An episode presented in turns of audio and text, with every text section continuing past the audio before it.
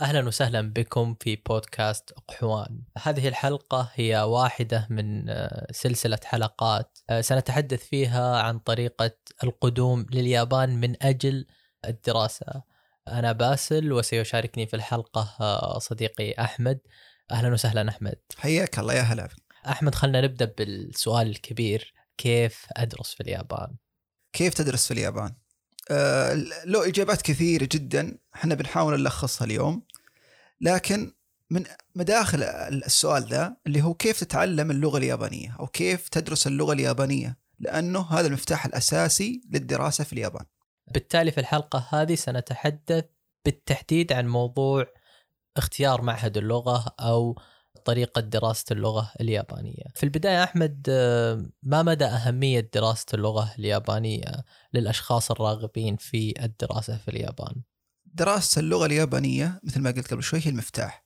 بمعنى أنه إذا أنت شخص جاي لليابان للسياحة أو للتدريب أو للزيارة أو للعمل المؤقت أهمية دراسة اللغة لك ما راح تكون عالية جدا بقدر الشخص اللي جاي يدرس المرحلة الجامعية تحديدا. وهي الأساس غالبا في في في من يخرج من بلده للدراسه فإذا أنت جاي تدرس البكالوريوس أو الماجستير أو الدكتوراه وتحديدا البكالوريوس خاصة يعني البكالوريوس متطلب منك اجتياز اللغة اليابانية. ولا يتم اجتياز اختبارات اللغة اليابانية ودخول الجامعة إلا بدراسة اللغة وإتمامها في اليابان. ما هي أنواع آه، الكورسات اللي تقدمها معاهد اللغة هنا في اليابان؟ بشكل عام في كورسين رئيسيين في المعاهد ممكن يكون اثنين أو ثلاثة لكن اجمالا المعاهد تعتمد نظامين. نظام عام وهو موجه للسياح للدارسين برغبتهم الشخصية يعني لغرض لغرض شخصي يعني ليس لاكمال الدراسة. والكورس الثاني وهو المهم بالنسبة لنا اللي هو الكورس المخصص للطلاب اللي ناويين يدرسون الدرا... يكملون الدراسه الجامعية. جميل جدا، ما مدى أهمية آه، هذا الكورس آه، من أجل الحصول على قبول جامعي؟ وش ممكن أتعلم في هذا الكورس؟ طيب آه، الشخص اللي يدخل كورس اللي يؤهله لدخول الجامعات متوقع من إنه إنه يدرس اللغة اليابانية تحديدا والمعهد يساعده في دراسة بعض المعاهد تقدم الخدمة هذه من دراسة المواد الأساسية مثل الفيزياء والكيمياء والرياضيات باللغة اليابانية أيضا.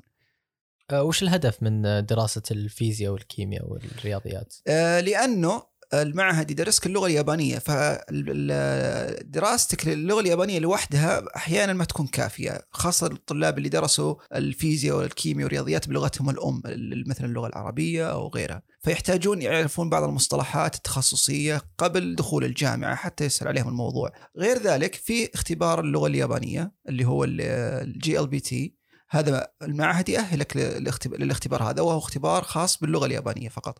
ممكن نتكلم عنه بوقت لاحق. الاختبار الثاني اللي هو ال EJU هذا الاختبار يجمع بين اللغة اليابانية والمواد العلمية اللي هي الكيمياء والفيزياء والرياضيات وغيرها من الكتابة حتى والمقالات. في في تفاصيل كثيرة. عموما المعهد يأهلك للاختبارين هذول. أيهما تحتاج حسب الجامعة اللي ناوي تدخلها يأهلك للاختبارات هذه. جميل. بما يتعلق بالدراسة الجامعية أو الحصول على القبول الجامعي سنخصص حلقة كاملة نتكلم فقط عن آه، هذا الموضوع. آه، سؤالي الآخر هو أنا متأكد أن في اليابان المئات من معاهد اللغة على أي أساس أختار المعهد المناسب لي؟ آه، طبعا اختيار المعهد يتم بعد عملية بحث شخصية بحتة. ممكن تستمع لآراء مجربين لكن تظل بالأخير آرائهم شخصية. يعني مو مو يعني أنا باسل جربت معهد أقول لك المعهد هذا ممتاز لك تروح تقدم عليه وانتهى الموضوع. لا في أدوات كثيرة ممكن تساعدك. من ضمنها اللي هو موقع جاسو. موقع جاسو هذا منظمة يابانية. آه، خلينا نقول انها ذراع حكومي يساعد الطلبة الأجانب وعندهم موقع فيه المعلومات خلينا نقول داتابيس قاعدة بيانات لكل المعاهد اللي تدرس اللغة اليابانية داخل اليابان. فممكن الشخص يدخل على الموقع هذا ويحدد خياراته بناء على المنطقة بناء على عدد الطلاب بناء على تنوع الجنسيات في المعهد آه، وغيرها من الأشياء الكثيرة آه، اللي تساعده في حصر الخيارات واختيار المعهد المناسب له. جميل جدا. آه، في وصف الحلقة سأضع رابط لشرح داتابيس اللي ذكرها أحمد. آه، بحيث الشخص يسهل عليه اختيار المعهد المناسب له. آه، سؤال آخر يتعلق باختيار المعهد، وش الأشياء اللي أطالع فيها وبناء عليها آه، أختار المعهد المناسب؟ بناء بناء على اللي ذكرنا قبل شوي اللي هو ال database أو قاعدة البيانات. شيء أشياء أخرى إضافية ممكن تدخل على المعهد نفسه. تدخل على صفحة المعهد وتشوف هل ميزانية أو رسوم المعهد مناسبة لك. هل ال course اللي ناوي تدخل عليه مناسب؟ هل المدينة مناسبة لك؟ في بعض بعض الناس يفضل الضواحي بعضهم يفضل العيش في المدن. هل نسبة التوزيع الطلبة الأجانب في المعهد مناسبة؟ لأنه بعض المعاهد يكون في غالبيتها طلاب صينيين أو أو كوريين. فهذول بحكم خلفيتهم الثقافية قاربة لليابان فيكونون أغلبهم جايين مجهزين ودارسين ستة شهور ثلاثة شهور. تجي أنت بينهم أحيانا تكون ضايع. فغالبا إذا كان المعهد فيه تنوع آه، جنسيات يكون أفضل. فبناء على هذه الأشياء ممكن الواحد يختار المعهد. ننتقل للسؤال الآخر. ما هي التسهيلات أو ما هي الفوائد آه، من دخول آه، معهد معين أو معهد لغة معين؟ المعاهد تقدم خدمات والخدمات هذه في فيها تشابه كبير وفي منها بعضها متميزة يعني في بعض الأشياء. لكن اجمالا المعاهد تقدم خدمة خدمات ما قبل وصولك لليابان مثل توفير السكن يعني تقدر تحجز عن طريقهم السكن يساعدونك في الحصول على السكن يستقبلونك في المطار بعد وصولك لليابان يساعدونك في تسجيل في البلدية، الحصول على التأمين الصحي، آه، فتح حساب في البنك، وحصول على رقم هاتف جوال وغيرها من الأشياء. آه، في يعني هذه الأشياء اغلبها تحتاج لغة خاصة إذا كنت توك واصل البلد وما تعرف اللغة اليابانية يعني لابد يكون أحد معك يساعدك في الموضوع هذا. بمعنى إنه اللغة الإنجليزية ليست كافية عشان تمشي نفسك في هذه الأمور اللي ذكرناها مثلا التأمين الصحي والحصول على حساب غالبا لا تحتاج اللغة اليابانية أو يكون معك شخص من المعهد آه، يترجم لك. طبعا راح تعبي الأش... الأوراق هذه بنفسك والإجراءات هذه تخلصها بنفسك لكن يكون معك أحد يساعدك في الموضوع هذا ويكون من المعهد يعني. السؤال الآخر وش السيناريو اللي راح يصير آه، من أبدأ المراسلات مع المعهد إلى أن أبدأ أول يوم دوام في معهد اللغة. خلينا نقول السيناريو العام لأنه في تفاصيل كثيرة تختلف على حسب المعهد وعلى حسب حالة الطالب وغيره. لكن آه، السيناريو العام الشخص يقدم آه، يبحث عن المعهد مثل ما قلنا قبل شوي حصل المعهد المناسب له راسل المعهد حصل على قبول من المعهد المعهد تلقائيا يبدأ يتواصل بالنيابة عن الطالب مع وزارة العدل اليابانية للحصول على شهادة الأهلية. شهادة الأهلية هذه إلزامية عشان تحصل على تأشيرة الطالب أو فيزا الطالب. بمجرد أن يحصل على المعهد على تأشيرة أو عفوا على شهادة الأهلية راح يرسلها للطالب. الطالب يأخذ الشهادة هذه مع الجوا مع الجواز ومع القبول الأوراق يعني مختلف الأوراق الضرورية ويتجه للسفارة. بعدها يقدم على الفيزا اليابانية في السفارة. والموضوع ياخذ من آه، أسبوع إلى أسبوعين على حسب البلد وحسب الإجراءات وتطلع له الفيزا بعدها يقدر يسافر اليابان موضوع الشهادة الأهلية اللي ذكرتها إلى أن يتم استخراجها ثم إرسالها عبر البريد هم في الغالب يستخدمون فيديكس أو أحد هذه الشركات كم ياخذ العملية كاملة؟ طبعا المراسلة والتأكد من المعهد والتواصل معهم وتعبئة النماذج الخاصة بالتقديم على المعهد هذه تأخذ عادة أسبوعين إلى شهر على حسب تجاوب المعهد وتجاوب الطالب معهم. من من تقديم من القبول من الحصول على القبول إلى استخراج الشهادة هذا تأخذ لها شهر إلى شهر ونصف شهادة اللي هي الأهلية. ثم يرسلونها للطالب يحتاج أيضا أسبوعين أو ثلاثة على بل ما يحصل على الفيزا. بعدها يقدر يسافر اليابان. يعني إجمالا من بداية التقديم إلين الاستعداد للسفر تحتاج شهرين تقريبا. هذا كنا نتكلم عن جدول مضغوط مرة يعني. جميل. بالتالي يعني آه، متى أبدأ أو كم الفترة اللي أعطيها نفسي آه، من بداية المراسلات إلى آه، السفر إلى اليابان؟ عشان أكون في طيب في المضمون يعني. ممتاز. في في في العادة الدراسة في اليابان تبدأ على فترتين في شهر أبريل وشهر أكتوبر اللي شهر 4 ميلادي و10 ميلادي. فالشخص إذا كان ناوي يبدأ الدراسة في 4 ميلادي لابد آه، يراسلهم قبلها بست شهور خمسة شهور تقريبا يبدأ يتراسل مع المعهد. آه، إذا متأخر مرة ممكن يبدأ قبلها بثلاث شهور لكن يكون جدوله مرة مضغوط وممكن المعهد يرفضه أو تكون المقاعد ممتلئة في المعهد. فيفضل البدء ما بين خمس شهور إلى ثلاث شهور كحد أدنى يعني. بعد الحصول على الفيزا من السفارة وإكمال الإجراءات يتبقى على الطالب إنه يركب الطيارة ويروح لليابان ومن هناك المعهد سينظم آه، أمور استقباله صحيح؟ أه صحيح. في أغلب الحالات المعهد يساعدك. يعني مو شرط إنه يكون يستقبلك في المطار لكن يوجهك يقول لك إذا وصلت المطار تقدر تركب الباص الفلاني أو القطار الفلاني وتوصل للمكان الفلاني. يعني يعطيك توجيهات. وإذا كان في عدد طلبة كثير ممكن يستقبلهم في المطار. بس هذا نادر. بعد وصولك للبلد آه راح يساعدونك في الحصول على السكن والإقامة وغيرها من مثل ما ذكرنا قبل شوي. هذه هذا هذا بشكل عام يعني اللي هو خلينا نقول السيناريو السيناريو العام من من التقديم إلى الوصول للبلد ومباشرة الدراسة. طبعا إحنا أنا بالنسبة لي شخصيا أشوف إنه الشخص أفضل له يجي قبل الدراسة من أسبوع إلى أسبوعين لا أكثر من أسبوعين.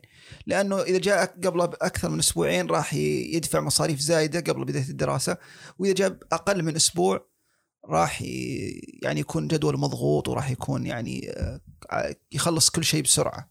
جميل جدا. زي ما ذكرت أحمد فيه كورسين.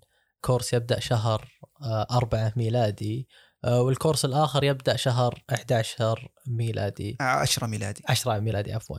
وش الفرق بين الكورسين؟ تقريبا ما في فرق كبير لكن يعتمد على دخول الجامعة توقيت دخول الجامعة لأنه إذا أنت شخص تبي تدخل مثلا مرحلة البكالوريوس غالب الجامعات في اليابان تبدأ الدراسة فيها في شهر أربعة ميلادي. فإذا بدأت أنت في شهر أربعة ميلادي راح تضمن إنك تدرس اللغة لمدة سنتين أو سنة وتنهي على شهر أربعة وبالتالي تدخل الجامعة في التوقيت المناسب. لكن إذا جيت بشهر عشرة راح راح تكون عندك يا إما تدرس ست شهور أو سنة ونص عشان تدخل الجامعة بشهر أربعة ميلادي. لو افترضنا إن في شخص يعني سيبدأ اللغة اليابانية من الصفر كم الفترة الكافية آه، من وجهة نظرك وبحكم خبرتك إلى أن يستطيع إنه يدخل جامعة ويبدأ يتعلم باللغة اليابانية في الجامعة؟ من واقع تجربة يعني من من تجربتي الشخصية تجربة أصدقائي اللي درسوا هنا العرب والسعوديين خاصة في اليابان يحتاجون من سنة ونصف إلى سنتين لا أقل من سنة ونص يعني إذا كنا نتكلم عن سنة فهذا شبه صعب يعني أو مستحيل إنه يدخل الجامعة وهو مرتاح. راح يدخل ممكن يحصل على قبول جامعي بعد سنة ويدخل لكن سيواجه صعوبة في فهم الشرح المدرسين في الكتابة في التقارير وغيره. فالأفضل شيء يعني سنتين. إذا مرة مستعجل الطالب ممكن يدخل بعد سنة ونص للجامعة. طبعا هذا يعتمد على مستواه الشخصي في ناس ممكن ينهي اللي ينهي المرحلة في سنة كاملة ويدخل الجامعة ويكون متميز. في بعضهم لا يحتاج سنتين وهو اللي الافرج أو المتوسط لكل الطلاب. جميل جدا. آه، هل يشترط إنك تكون بمستوى معين آه، يوم تيجي تدخل المعهد؟ ولا مثلا لو أنا شخص ما أعرف أي شيء عن الياباني هل يقبلني المعهد؟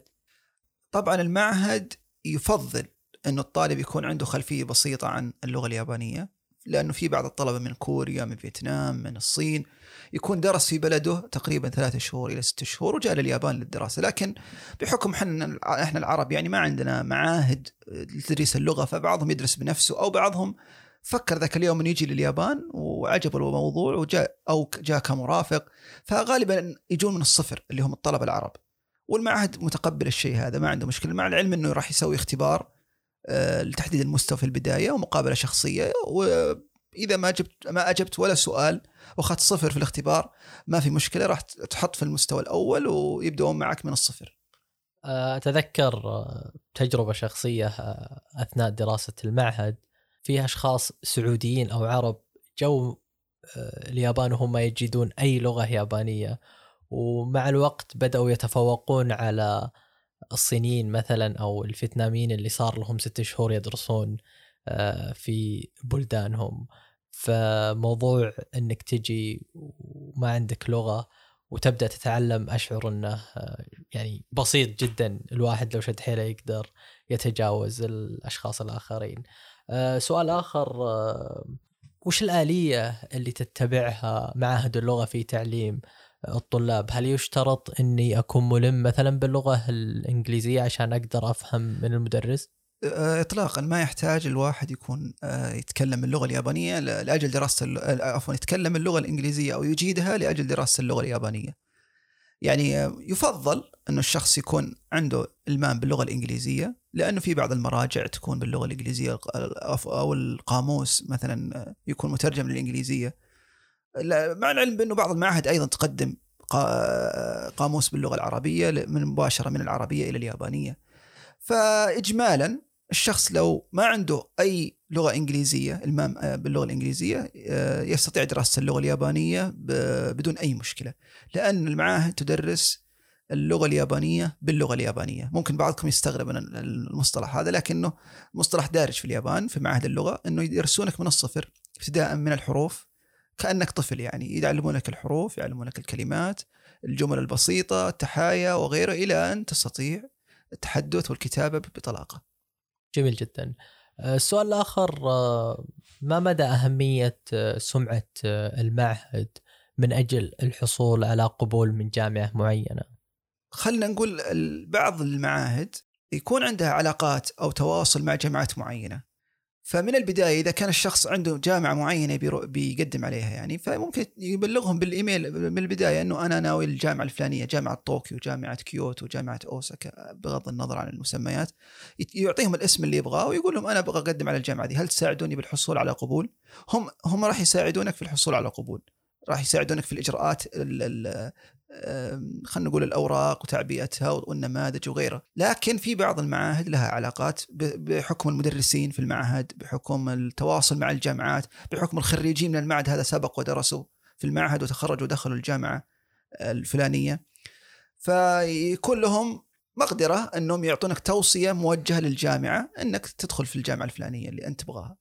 جميل جدا، لكن لا يشترط أنك تدخل معهد معين عشان آه، تقدر تحصل على قبول من جامعة معينة. اطلاقا لا ابدا. آه، والأمر بالأول بالأخير يعتمد على مستواك الدراسي. يعني لو أنا بدخل مستواي ما يأهلني لدخول جامعه طوكيو وجيت درست في المعهد الفلاني وقالوا لي إنه راح يعطوني توصية بالأخير مستواي ما كان جيد ابدا ما راح تنفعني التوصية هذه.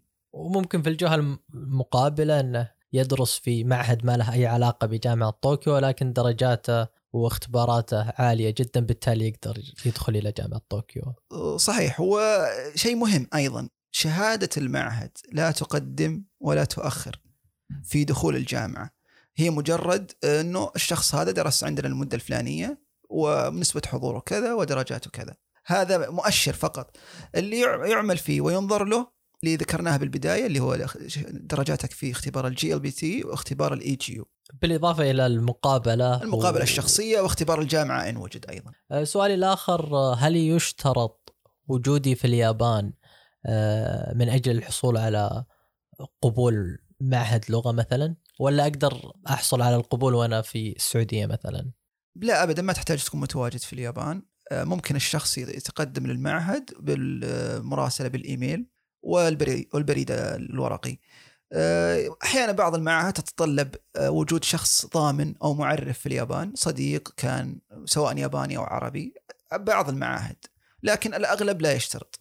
آه، بعض الأشخاص يجون اليابان بفيزا سياحية ويبدأ يقدم على قبول المعهد على سبيل المثال. هل هذه هي الطريقة الأمثل للحصول على القبول أو على قبول المعهد؟ صحيح بعض الأشخاص يتبعون الطريقة. هذه وهي خطأ بالمناسبة أو أنا أشوفها خطأ. لأنها فيها مخاطرة كبيرة إن الشخص ممكن يجي قبول أو راح يجي قبول طبعا لأن معاهد اللغة بالاول والأخير هي هي تجارية وهدفها ربحي فراح يقبلون الشخص. لكن الإشكالية في في دائرة الهجرة أو مكتب دائرة الهجرة إنهم لن يقبلوا إنه يحولون فيزته من فيزا سياحية إلى فيزا دراسة في الغالب. في حالات استثنائية لكنها ليست قاعدة يعني فالأساس إنه الشخص يتقدم من بلده إنه يجي يدرس اللغة اليابانية والمعهد يسوي الإجراءات اللي ذكرنا قبل قليل، بعدها يصدر آه، له فيزا الطالب ويجي لليابان، الفيزا مدتها سنة سنتين، لكن ما يخاطر ابدا ويجي فيزا سياحه لمدتها ثلاث شهور أو شهرين أو 15 يوم بعض الناس يأخذون، يجي يدرس في اليابان ويقدم بعدين يتورط إنه يكتشف إنه لازم يرجع يعيد كل الإجراءات من برا اليابان.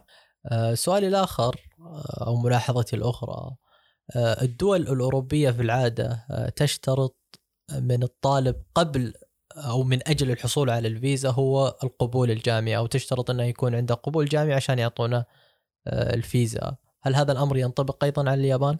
خلينا نقول إنه الفيزا في اليابان فيزا الطالب تشمل كل أنواع الدراسة سواء دراسة اللغة، دراسة الجامعة، دراسة المعاهد التخصصية، المعاهد الفنية، الفنون وغيرها.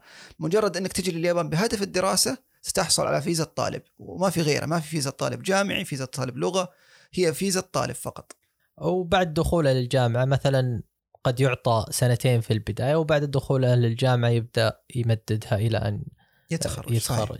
آه راح ننتقل إلى محور آخر اللي دائما يتكرر السؤال حوله الا وهو موضوع الرسوم آه، ممكن تعطينا أحمد نبذة عن الرسوم أو المبلغ اللي ممكن يكفي الشخص عشان يعيش شهر واحد هنا في اليابان الرسوم خلينا نقول الرسوم الدراسية وهي الأهم. بداية الرسوم الدراسية تدفع للمعهد على دفعات ثابتة يعني بمعدل آه، كل فصل دراسي سواء كان الفصل الدراسي ثلاث شهور أو ستة شهور. لكن خلينا نعطيكم المبلغ آه، لمدة سنة عشان يسهل الفهم. رسوم المع... رسوم المعهد السنوية هي من 26 ألف ريال إلى 35 ألف ريال. من 26 ألف ريال 35 ألف ريال تدفع على دفعتين أو ثلاث دفعات بالاتفاق مع المعهد. نجي للتفاصيل اللي هي خلينا نقول اللي فيها اختلاف دائما دائما ما يكون فيها خلاف إنه لا أنا أدفع أقل أنا أدفع أكثر. المعهد اللغة ما في خلاف راح تدفع المبلغ هذا وانتهى الموضوع. آه لكن آه رسوم الحياة اليومية الأشياء المصاريف اليومية السكن وغيره هذه تختلف. سوينا حسبة بسيطة ونعتقد إنها مقاربة للواقع بحكم تجربتنا الشخصية. طبعا اللي بيسكن في طوكيو راح يدفع أكثر واللي يسكن خارج طوكيو راح يدفع أقل. لكن بالمتوسط إيجار البيت الشهري راح يكلف من 2500 ريال إلى 3000 ريال. والفواتير اللي هي الغاز والكهرباء والمياه والجوال وغيره راح تكلف من 750 ريال إلى 1000 ريال. الأرقام بدأت تزود الآن. الأكل والشرب بحكم إنه إحنا عرب ومسلمين إحنا نبحث عن الأكل الحلال وهو يعني خلينا نقول محدود أو يعني في انتشار في اليابان في الأكل الحلال لكنه نواجه صعوبة خلينا نقول. راح تكلف شهريا ما بين 3300 ريال إلى 3600 ريال. المواصلات تقريبا 250 ريال. فالإجمالي عشان نلخص لكم اجمالا الواحد يحتاج شهريا ما يقل عن 6800 ريال. يعني 6800 ريال الحد الأدنى فما فوق أفضل وأفضل. أه قبل شوي أحمد كان آه، يسولف لي إنه اطلع على أه معلومة في موقع جسو. إنه في العادة الطلاب آه، يصرفون حوالي آه، مئة ألف ين تقريبا حوالي ثلاثة 3600 ريال شهريا هل تجد المبلغ هذا معقول بالنسبة لنا بحكم آه، خبرتك والأشخاص العرب أو السعوديين اللي حولك؟ طيب الحين إحنا صرنا نواجه إشكال. أنا أقول 6800 المتوسط الشهري وباسل يقول إنه 3300 تقريبا. كلنا صح بس هم بناء على الأرقام اللي اعتمدوها بناء على الطلبه الأجانب ككل. يعني في منهم جنسيات آسيوية كثيرة شرق آسيوية يسكنون مع بعض أو يسكنون في أماكن رخيصة جدا. إحنا ما نقبل يمكن نسكن فيها أو يأكلون أكل ما يناسبنا. فغالبا الأكل الشرق آسيوي والأكل الياباني رخيص. غير كذا آه، طبعا هي أكثر عامل مؤثر في الموضوع الحسبة اللي تو قلناها الأكل والسكن. فالواحد إذا قدر يوفر فيه مبالغ كبيرة أكيد إنه راح يطلع المبلغ أقل لكن مو من مصلحته لأنه لابد الواحد يسكن في مكان جيد ويأكل أكل جيد عشان يقدر يعيش يعني ويقدر يدرس. يعطيك ألف عافية أحمد. آه، سؤال أخير بنهي فيه آه، الحلقة أدري فاجأتك. ولكن نصيحة بحكم خبرتك وتجربتك تقدمها للأشخاص المقبلين على اليابان. شوف إحنا ما سجلنا البودكاست هذا أو ما حرصنا نقدم المعلومة هذه إلا لنوجه رسالة مهمة. ابحث ثم ابحث ثم ابحث بنفسك. يعني المعلومة متوفرة على الإنترنت. يعني أنا أقول إحنا جينا أنا جيت اليابان باسل جاء اليابان في 2012 صحيح. أنا جيت في 2009 يمكن ذاك الوقت المعلومات محدودة أو شبه محدودة. آه ما هي متوفرة باللغة العربية يعني مثلا. لكن الآن المعلومة متوفرة. مجرد الواحد آه، يكتب أبغى أدرس في اليابان تطلع له معلومة مباشرة. اللي ما يعرف اللغة باللغة الإنجليزية يستخدم المترجم يعني. فهذه نصيحتي إن الواحد يبحث بنفسه حتى يكون قراره واختياره شخصي بحت بدون تأثير. لأنه غالب الأشخاص اللي يجون ويختارون أشياء بآراء أشخاص آخرين تجدهم في النهاية آه، يندمون وقد يغيرون رأيهم في وقت متأخر جدا لكن اللي يبحث ويختار عن قناعة هو اللي يستمر وهو اللي ينجح. وهذا مبدأ المعيشة في اليابان ككل. المعلومة متوفرة لكن تحتاج بحث. آه، يعطيك ألف ألف عافية آه، أحمد. أشكر لك وقتك وأشكر لك المعلومات آه، القيمة اللي شاركتنا إياها. شكرا لك باسل وشكرا لكم على استماعكم. في نهاية الحلقة أشكركم جميعا على الاستماع.